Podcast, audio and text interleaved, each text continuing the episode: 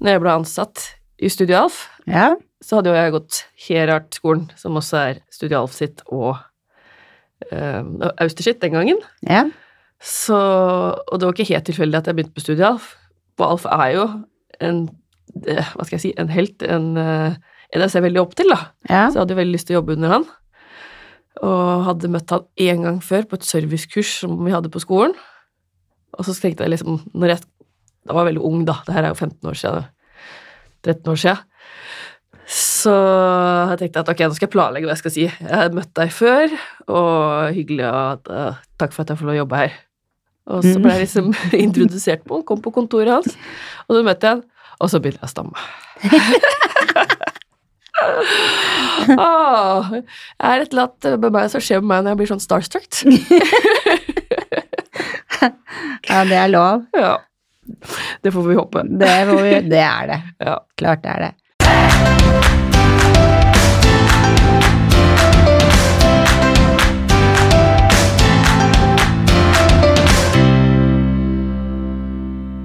Velkommen til Hårpodden. Jeg heter Renate. Jeg heter Ann-Marit. Mm. Hvordan har uka di vært? Denne uka her har jo Ja. vært ganske spesiell for vår del. ja. ja. Det har det. Vi, det har jo NM Ja. og årets eh, Ja. Og Livepod. livepod, ja. Ja. Det har vært det store denne helga. Helt altoppslukende. Ja. Det var skikkelig, skikkelig gøy. Og hadde så mye forventninger, og det gikk jo liksom ikke helt sånn som vi hadde planlagt, egentlig. Nei, nei, det ble litt annerledes. Det er det første gang for alt, for å si det Ja. sånn. Ja. Jeg tror jeg hadde opplæring på rekorderen fredag ettermiddag. Og da fikk jeg opplæring på alt utenom å skru den på. det var jeg litt stressa over. Men det gikk jo fint, det òg. Og så hadde vi jo planlagt at dette her skulle gå dyng, dyng, dyng. Vi hadde jo liksom lagt opp et tidsskjema, Ja. men alle er jo så travle den dagen. ja, ja, de konkurrerer, og det er Ja. ting å passe på. Så var det veldig bra at man kunne trykke på sånn pause. Det syns jeg var bra. Heldigvis kunne vi det. ja. Men det var veldig gøy. Det var det. Ja. Og for en oppløftning hele arrangementet har fått. Ja. Det skal NFEB få ha for, altså. Jeg syns Det det var var jo bra. et stinn brakke. Ja. Veldig bra du valgte The Hub, fordi jeg synes, mange ganger syns jeg på Spektrum at det var så inndelt. Det blir så veldig sånn konferanse, på en Mm. måte. Det blir for mye luft. Ja, her skulle man bare mingle som helt normalt. Mm. Det syns jeg var veldig bra. Og de hadde liksom Når eh, prisutdelinga kom, også, så så du liksom at eh, bildet av modellen Det er jeg opptatt av, som har konkurrert i så mange år. Mm. At du faktisk se hvem Ok, du ser personen som vinner, men hva var det den personen gjorde? Ja, det er sant. Og det var Nei, det er skikkelig kred til NFB, altså. Hva syns du om prisfesten, da? Å, det var så gøy! ja. Det så, Bra show var det. ja. Og det Ja, Harm og Hegseth var jo bare priceless. fantastisk. Herregud, jeg lo av de. de passa perfekt inn til det arrangementet. Ja, de gjorde det. Ja. Absolutt. Det var fullt av overraskelser. ja. Nei, vi må Neste år òg må ja. du dit. Mm. Du tar liksom litt luft ut av deg, så det er nesten sånn at når alle prisene er utdelt, Ja. og festen på en måte begynner du skal slå deg løs, Ja. da vil jeg i hvert fall hjem. Ja, ja. Da Da, da har vi holdt på siden klokka ni på morgenen, da. Ja, nei. Absolutt uh, en av det bedre for oss. Ja. Hvis det er noen som vurderer å dra neste år, dra. Absolutt. Ja. Det, Og konkurrere. ja, absolutt. Både årets frisør og NM. Ja. Mm. Men eh, vi har jo med en gjest i dag, som vanlig. ja, vi har det. Ja. Og den, dagens gjest er engelsk, så vi snakker engelsk i dag. Mhm. So today's guest is English from Liverpool. His biggest dream was to be a football player, but in the age of 15, he was told he wasn't good enough, so he quit. but he, since he had, he, since he hadn't paid attention at school, the only school he could get into was hairdresser school, and the school, and that school he rocked. Uh, and he ended up uh, at the best, Tony and Guy, and he has all um, I'm sorry, and he has also won Hairdresser of the Year 2007, 2008, and 2009. He likes to play with hair. Welcome to us, David Weik. Thanks. Thanks very much for having me here. So, uh, can you tell us a little bit about yourself? Yeah. Uh, well, I'll start. I've probably got a really uh, different background when it comes to hairdressing than most.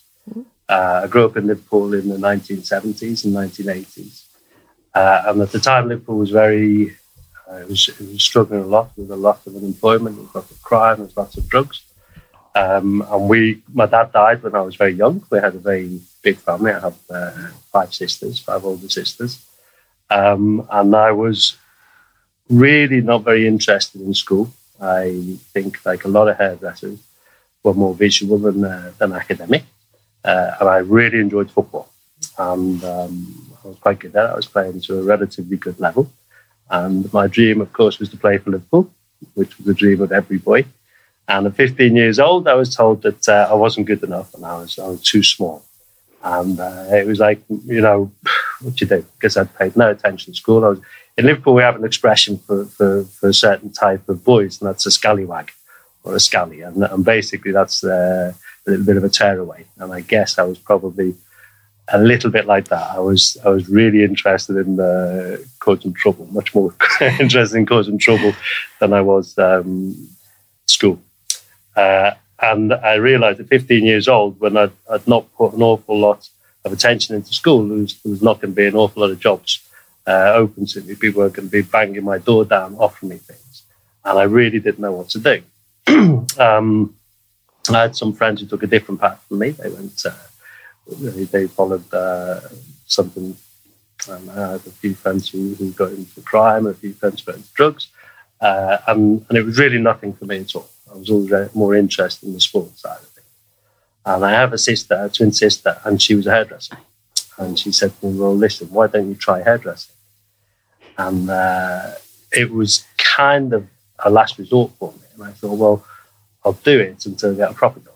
Because I'd really, I'd really not been interested. I was interested in football. I was interested in boxing, uh, and I was, I was starting to get interested in fashion a little bit. There was a magazine called The Face, uh, which is all about these uh, nightclubs in London where you had Steve Strange and, and, and, and the, the, Blitz and things like that. And I was subscribing to that. I didn't tell any of my friends because they were really into uh, they were into very different things. But I was really interested. I thought it was quite quite cool. Uh, but I got a job as, as as an apprentice hairdresser, and I was effectively 15 years old. I think uh, uh, officially I'm not supposed to leave school until I was 16, but I just I think I left school at 15, just never really went back. Um, and I started hairdressing in Liverpool, um, and it probably for the first year and a half I was not very good at all.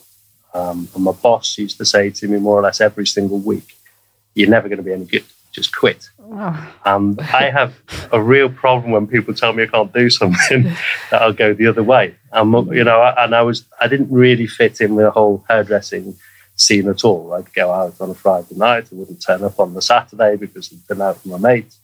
Um, but I think just to prove him wrong, I used to stay behind every day after work, and I just no one would help me. I just try and see things during the day, and I, and it was mostly to try and catch up with the others uh, because they were always streets ahead of me when it came to the hairdressing. I, I was never naturally good at hairdressing. Some people are brilliant at hairdressing naturally, and I was never naturally good at it. Um, but I, I was prepared to work hard to catch up with the others, and then I think one night it was almost like a light switch went on in my head, and I did a haircut. I thought, wow, it's really good. And uh, I just I just started experimenting a little bit, and I I, I, don't, I don't really like rules, and um, I just see things in the magazines, I see things in the Face magazine, and I just try them and uh, experiment, and it just kind of escalated from there. Um, I when I think growing up in Liverpool, the one thing I knew for certain was I was going to leave there at some stage. I didn't think it was an awful lot for me. And uh, when I, I'd never been on a plane or anything, and then a friend of mine asked me to come to Spain with him. And we just quit my job and I moved to Spain. And uh, I worked in a bar for a summer and I did it for a couple of years, two or three years. I think I spent the summer in uh, Spain. I went to Ibiza and I was, uh, I was part of a, a, little group of guys who were organising raves in Ibiza. And uh, I met a girl uh, from London. Um, I moved back with her and I worked in uh, but the relationship didn't last for very long. And uh, I moved to America. Uh, and I was teaching hairdressing in America. And when I was over there, I met my, my wife, that I'm with now. She's Norwegian. She was studying over there, and we spent some years together. Um, and then she she said to me, well, she wanted to move back to Norway. Uh, she she wasn't sure where she wanted to move back to Norway or to, to move to England. And I, I've been to, I've spent a lot of time. Um, and she's she she can, you know, Norwegian women are very smart, not just pretty, but they're very smart as well. and she said to me, try Norway for three months and see if you like it. And I said, it's okay. And so she brought me over for June, July, and August. And I thought, this is a piece of cake. What a fantastic place to be. So then I said, yeah, I'll move here. It's no problem at all. And uh, I think about two months later, the snow started. and Oh, didn't stop. okay. Smart girl. yeah, so that's, that's how I came over. And um, Ah, so so you came here because of your wife, because of love? yeah, absolutely, Yeah. absolutely. Oh, that's So a great and we're, story. we're still together now. I think we've been together 27 years or something now. Oh, Oh, wow. So, uh, is she a hairdresser? she's not. She works in advertising. Oh, Um, okay. But yeah, so she brought me over, and Yeah. uh, you know, I didn't want to go That's anywhere. great for us. she might not agree with you. uh, but we have uh, today's t- t- tema. Team, yeah, the team today. I'm sorry about my English. salon owner with big success. Because we wonder, what's your secret? You've done something big always in Norway. So what's the big secret to do the success? Um, I don't know really, but I just like to do things a little bit differently to everybody else. I've, I've never liked to follow other people's uh, ideas. No. Uh, when I moved over here, um, actually the first place I worked was Studio Alf. it was? Yeah. What? So, uh, but I wasn't there for very long, and I, and I, and I really, really liked Al. I thought he was a great guy. Uh, but it probably was the wrong place at the wrong time for me. Um, and so I left after a few months, uh, and I worked somewhere else, and then I went back to London, and I, I met Tony. I'd worked for him in the past, and at the time, I think we just had five salons, Tony and Guy just had five salons in London. And I was talking and I said, you know, we have an opportunity, or why don't we open a salon in Norway? I think there's something really missing there. And he came over to see me, came over about a week later, and, and we spent the day going all around Oslo. And uh, he wanted to go feel for the city, and he said, yeah, let's do it. So then we uh, spent the next couple of years looking for the right location. I was traveling back and forth, uh, and we opened the salon, and it became one of Tony and Guy's best salons in the world. I think we won uh, the International Salon of the Year twice. Um, we won lots of awards. We were nominated different awards all over the world. Actually, we, we won uh, Tony Guy Hairdresser of the Year, which was really big because there was about 10,000 people working for us. Uh, we were really regarded very, very highly in the company. Wow. Yeah, it was great. We did collections. We did London Fashion Week. We, we did the, the DVDs that, that were for educating hairdressers throughout the world. It was a really, really good time. That that must been for the the employees. Uh, great for them to experience. You will probably have a lot of employees who have been there always, or Yeah, we've got really loyal staff. We've got Yeah. we've got some uh, absolutely fantastic people. Um, and I, it's a little bit of a cliche, but they are like a family. And and you, you know, yeah, there's a couple of them I fall out with every year. We have big arguments, and then we don't talk to each other for a couple of weeks, and then two weeks later we're best friends. And it's, uh, it's, it's, you know, I'm extremely, extremely fond of them all.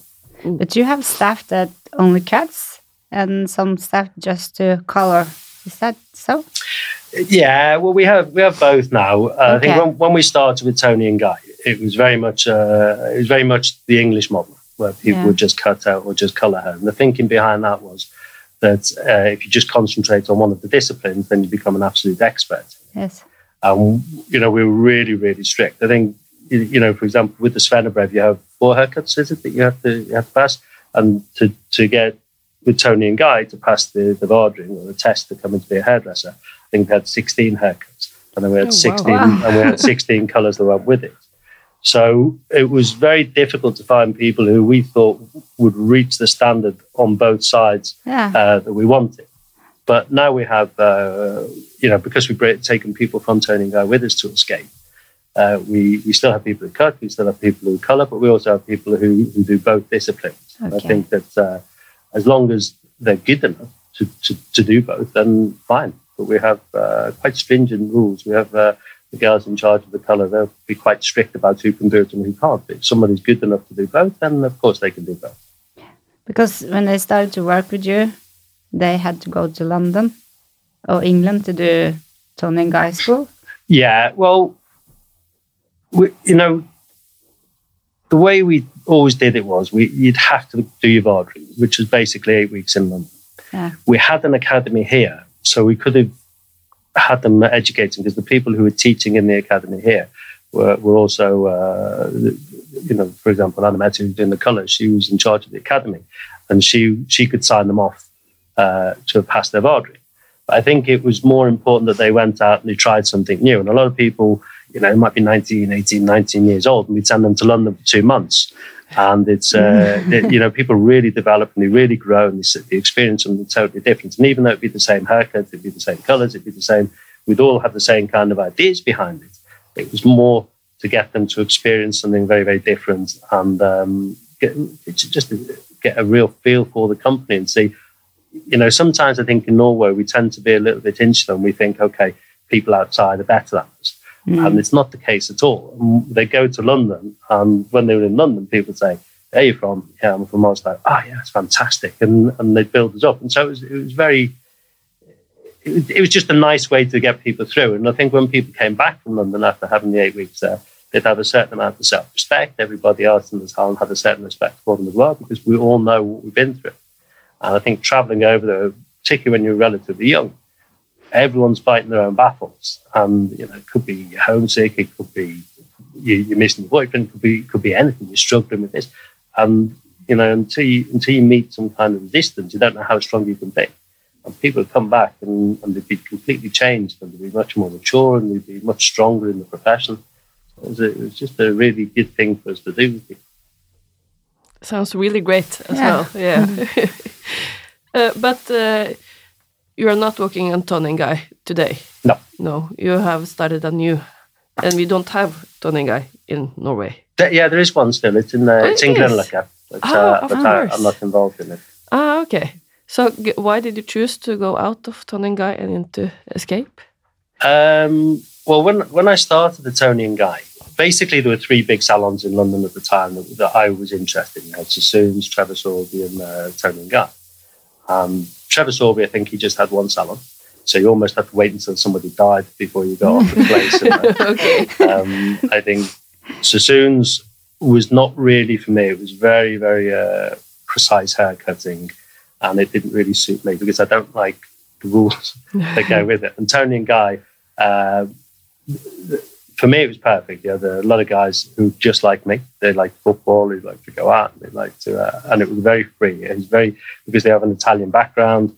Uh, it was a lot of you had the kind of like the crossover between the, the, the, street fashion of London. We also had that feminine side of Italy. So it was a really nice. Um, it was a really nice concept. I thought. Um, and it was very free. It was every haircut was very individual. We used to look on it as being every head of hairs as individuals and fingerprints. So, so it was much more fun than just doing, for example, graduated bobs on every client that comes in through the door. Every client, you try to do something a little different, and I really embraced it. But when I started, as I say, we, I think we had five salons in London, and basically they had the two brothers, you had Tony and Anthony Mascolo, who were running it, and they they were a little bit. Um, there was a little bit of a, a discussion between the two of them, I think, because Anthony wanted to be the best, and Tony wanted to be the biggest. And I joined mm. because I wanted to be the best. So I joined because of Anthony. And about three or four or five years after we'd opened here, Anthony uh, left and he just started working with, a, with his own product range. And mm. Tony took full control of uh, Tony and Guy. And uh, as it got bigger and bigger and bigger, for me, I just thought that maybe it was getting a little bit diluted. I don't think it was in Norway because we were a little bit insular. I thought the brand as a whole, suddenly the excitement of the collections that we had, and the, the it, because it became so big, it wasn't um, it wasn't the path I wanted to go down. Because as you get bigger and bigger and bigger, you're catering to a much broader market, and then maybe your haircuts are becoming more commercialized. Hmm. It's not a bad thing to be commercialized, but it just means more people like it. But it just wasn't the reason why I joined Tony Guy. I wanted to do something different. I wanted us to be the best. I wanted to, to you know, really express uh, through hairdressing. Hmm. Okay. So it's really uh, uh, gjennomtenkt. Yeah, well, I have a lot. I, I- I thought about it for quite a long time, and you know, I was lucky enough in in for many years. I was working on the international artistic team, so we did collections for, for Tony and Guy. We did uh, the, the DVDs. Um, we did Salon International. I did photo shoots for magazines like Vogue and Dazed and Confused.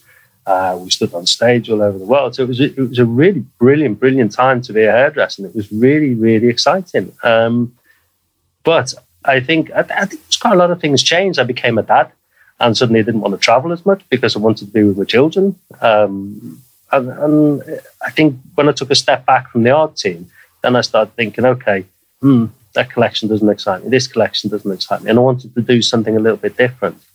Um, yeah, so, so so that's just really the reason behind it. But uh, you know, there was no hard feelings when I left. It was it was uh, absolutely fantastic time to be involved with them, and I'm very glad that I was with them when I was because it was a smaller company, Mm. and I think it, you know I joined them when uh, everything about Britain was very cool. We had it was when Oasis and Blur were, were very popular, Spice Girls and things like this, Hmm. and eh, and you had this the, the, the phrase I think on Time magazine was "Cool Britannia."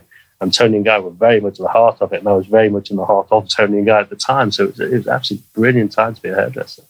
But now it's a new history. You have Escape and Escape Barbershop. Yeah. Can you tell us about it? Yeah, well, you know, I wanted to do something different Yeah. again. Uh, and the salon's really big. It's about 348 square meters. Um, and I wanted to make something for, you know, the idea behind it was I wanted to make the perfect place both for the staff and for clients.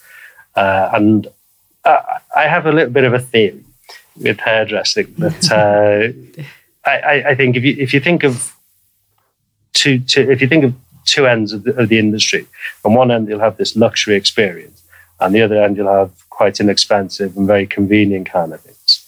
And both of those will have a market because I think uh, these places that charge two, three hundred crowns for a haircut, you do it in 15, 20 minutes, whatever.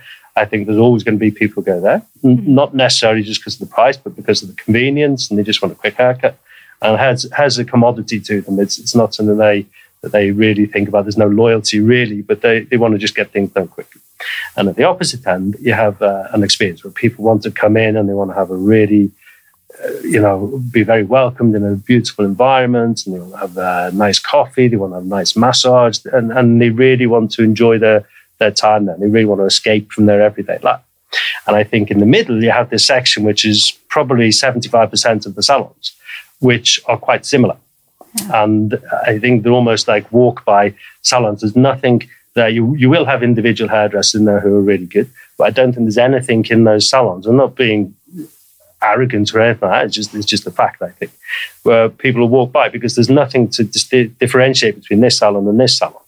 And I think, well, they're the ones who in the future possibly will struggle because they, they have the hairdressers of a similar standard, the salon interiors of similar standard, and I don't really see what's going to draw people in. You know, the hairdressers themselves, obviously, they have a, a loyal clientele. You can have some great, great hairdressers in there. But if somebody else says, okay, I want you to work for me, and they move, then that sounds at risk. So I wanted to have a salon where it was really a beautiful experience, but it was also a great place for the hairdressers to work. And we have, um, you know, the staff room we have is probably as big as some people's salons. We have a huge staff room, and the staff are the most important people in the salon. You know, there's no question. Doesn't matter what I've done in the past. It's in the past. It's the, it's the people who are working there today that are making the business uh, go round, and, and they have to have a nice place to be. Mm. It's a really great saloon. We've Yeah. been there, both of us, and it's really something. It's beautiful. Thanks Yeah. very much. And the, in the background uh, room, you said it's big. Yeah, it's big. so I can imagine uh, your staff love being there. Yeah, I think so. They, you know, they have uh, the staff room. They have their own bathroom. They have their own kitchen. They have a television back there. We have showers downstairs, um, and but but they're the ones who make the business go round. So I Yeah, think it's almost a little bit, you know, it'd be very easy to say, okay, well, I'll have a salon half the size, and we'll get the clients in, and we'll make more money. But it's it's not always just about the money. I think you have to be happy with where you are as well. And uh, and I think it's you know we want to create an experience both for our staff and and, and for the clients. And the chair when you where you wash- wash your hair, the massage. It's incredible. They're the bubbles fantastic. inside. Yeah. yeah, the bubbles. That the you know everyone who comes in. Um, Look- they look at that and they take pictures of it and Yeah. things like that. And it was a little bit of a whim because I was in Italy looking at the furniture, and uh, I just went past and I thought that's really peaceful. And I, I just uh, it was just a spur of the moment thing to bring something in. But as you come in, because the salon's so open, um, I think it, where you have the, the the backwashes are right just behind the reception, and when the, your legs go up, particularly for ladies, maybe it's a little bit, uh, you know, you feel a little self conscious. So I wanted to put something to block that off, but I didn't want to have like a cupboard or anything, or product shelves or anything. So I've been kind of looking for something, toying with the idea, what can I have here? And I really hadn't decided anything. And then when I saw this uh, waterfall, uh, I thought, okay, that's it. That's, the- perfect. that's the thing. Yeah. How many people is working there? I think uh, 21 Oh, wow. So it's like having three salons in one, I guess. Uh, is it? Uh, uh, do you have have the same as Tony Guy? They have to do the um, sixteen haircuts and color. And Yeah, we do. Yeah. okay. so, but we, we, we've kind of changed a little bit um, because we, we've taken inspirations from different places. So maybe, the, you know, with Tony and Guy, again, you, you restricted to the Tony and Guy um, way of doing things. And we'll still have everything precision, the fundamentals, and so on and so forth.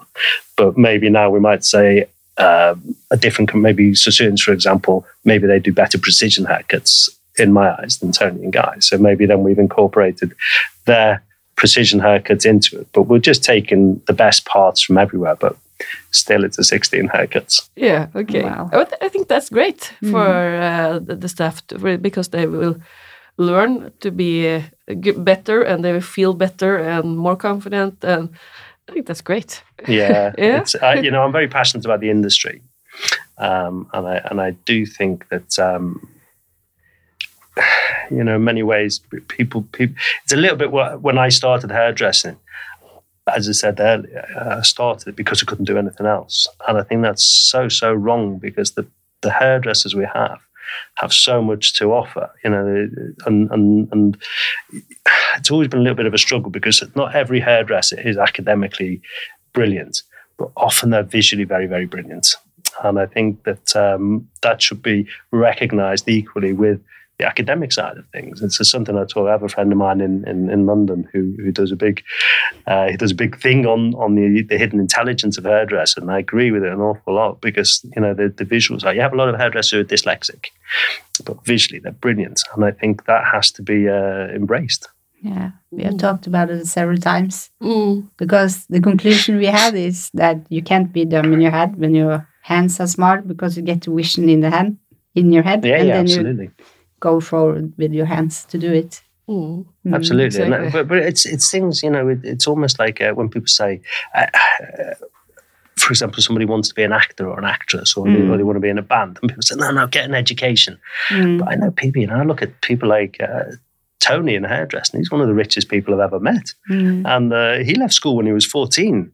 But you know, he had the vision, he, and, and and I think it should be encouraged. Yeah. Mm. My daughter want to be an actress. She does. Yeah. Oh, and. I told her to go with her dreams. Absolutely, because there's nothing worse, I think, for people Mm. than doing a job they don't like. And they're Mm, almost in a golden cage because they're tied in by money, but they don't enjoy what they're doing. And for us as hairdressers, we do because we, we certainly don't do it for the money. No.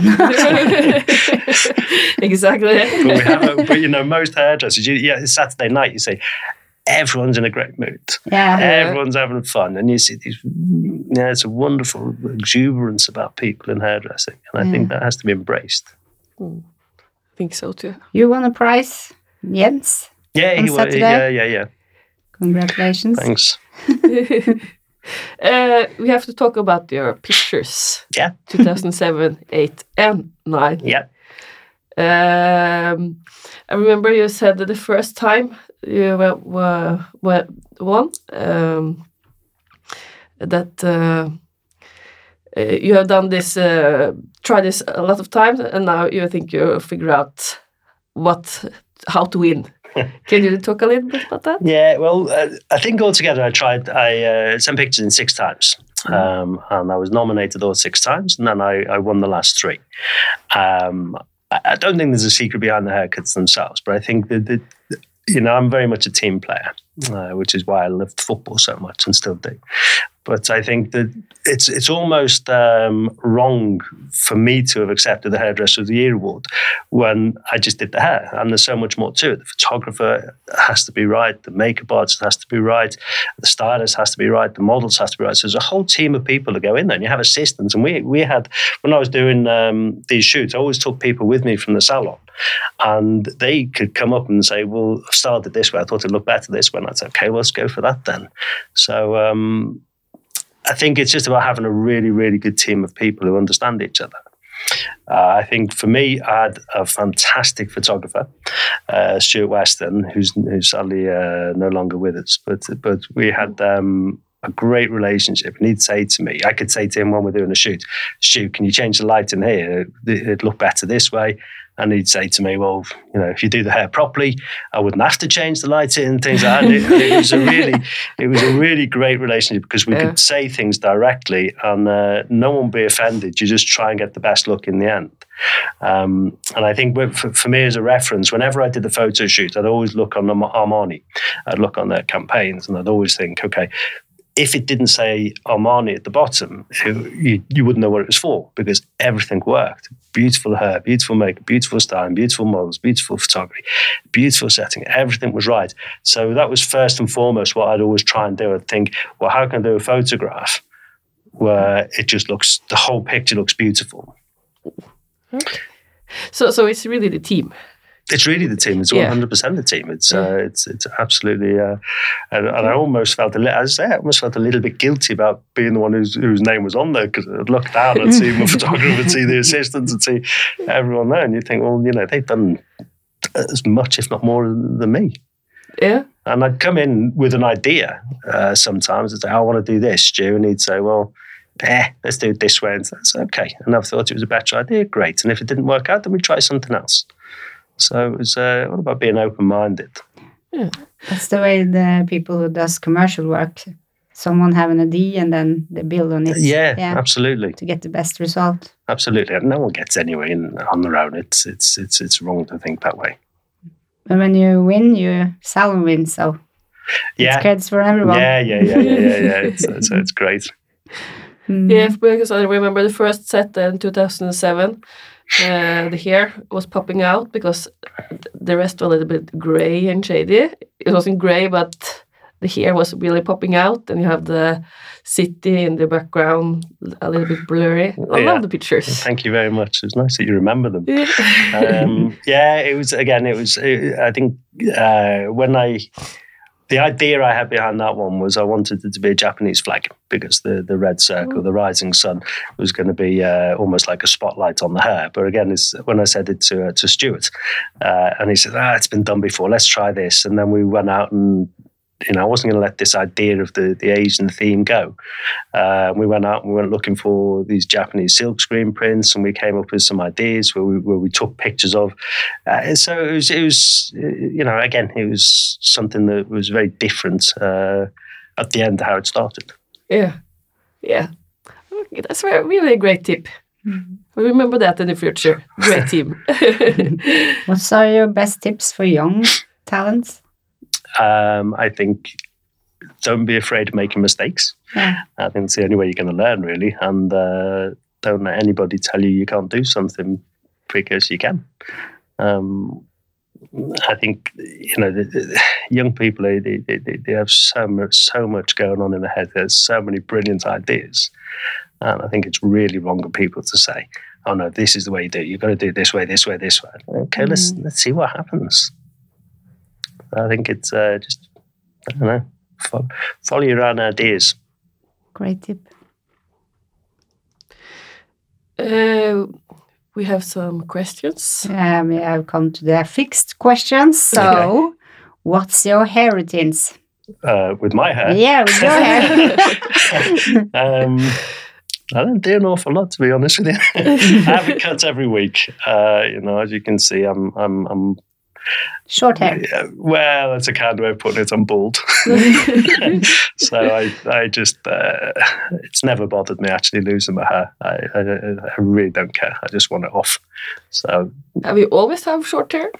no, um, when I was, uh, you know, back in the, when I was young and handsome, I had long hair and it was quite curly. Uh, and embarrassingly enough, I have blonde hair uh, because I'm so dark. And, uh, the- Oh. and, uh, I, had, I had a hockey haircut and a moustache for a while. so, uh, so you have you have tried a little things. yeah, yeah, well, I did when I was younger, yeah. Yeah. But I think for the last, I don't know, 20 years, I just like it as short as possible. Yeah.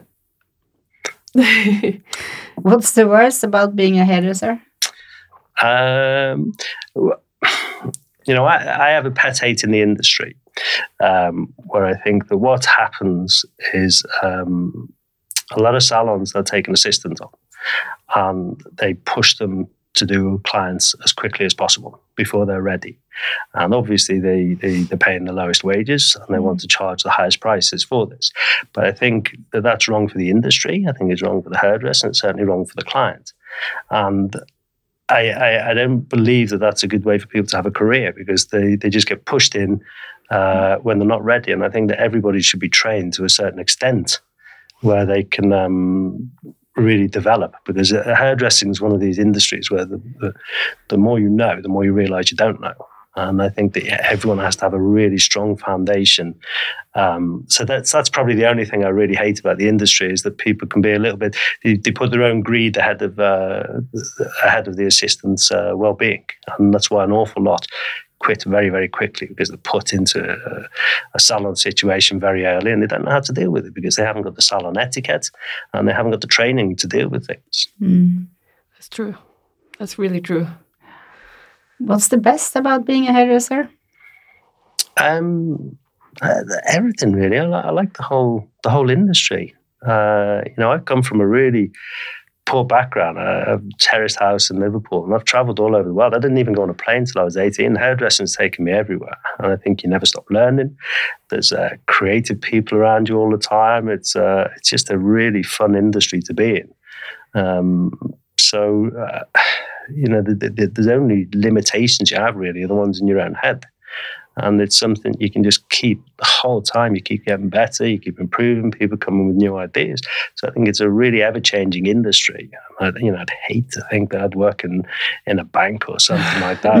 Exactly. Oh my God, I can't think of the worst. They earn a lot more money. Yeah, Yeah. But uh, the quality of life, I think, is, is an awful lot better as a hairdresser. yeah, I think so too. And you have getting used to the winter in Norway all over these years. Are you here to stay? yeah, I love Norway, but I do think the winter's maybe two months too long. I Yeah. struggle. By the time it gets to February, I've had enough. Yeah. Um, but but, I, but I, I, I've started uh, I've started painting a little bit, uh, Oh. which has changed things a little bit because I'm not very good at it, but it's changed things because suddenly you start looking at the different kinds of lights in Norway. You know, the beautiful Arctic lights in the winter, and and so th- that's got me through this winter. Artistic. Well, I wouldn't say that. It's not. They're certainly not good paintings, but uh, I enjoy doing it. It's quite meditative and uh, quite therapeutic to, to to sit down and do that. Uh, so this is the end of this podcast. Thank you so much for coming. Thanks for having me. It's been really inspiring having you here. It was really nice coming here. Thank you. Uh, så får vi takke oss. Ja. Ja. For takk for i dag. Takk for i dag, ja. Ja. Og så må dere gi oss stjerner på iTunes. Mange stjerner. Så høres vi neste uke. Det gjør vi. Takk for i dag. Takk for i dag.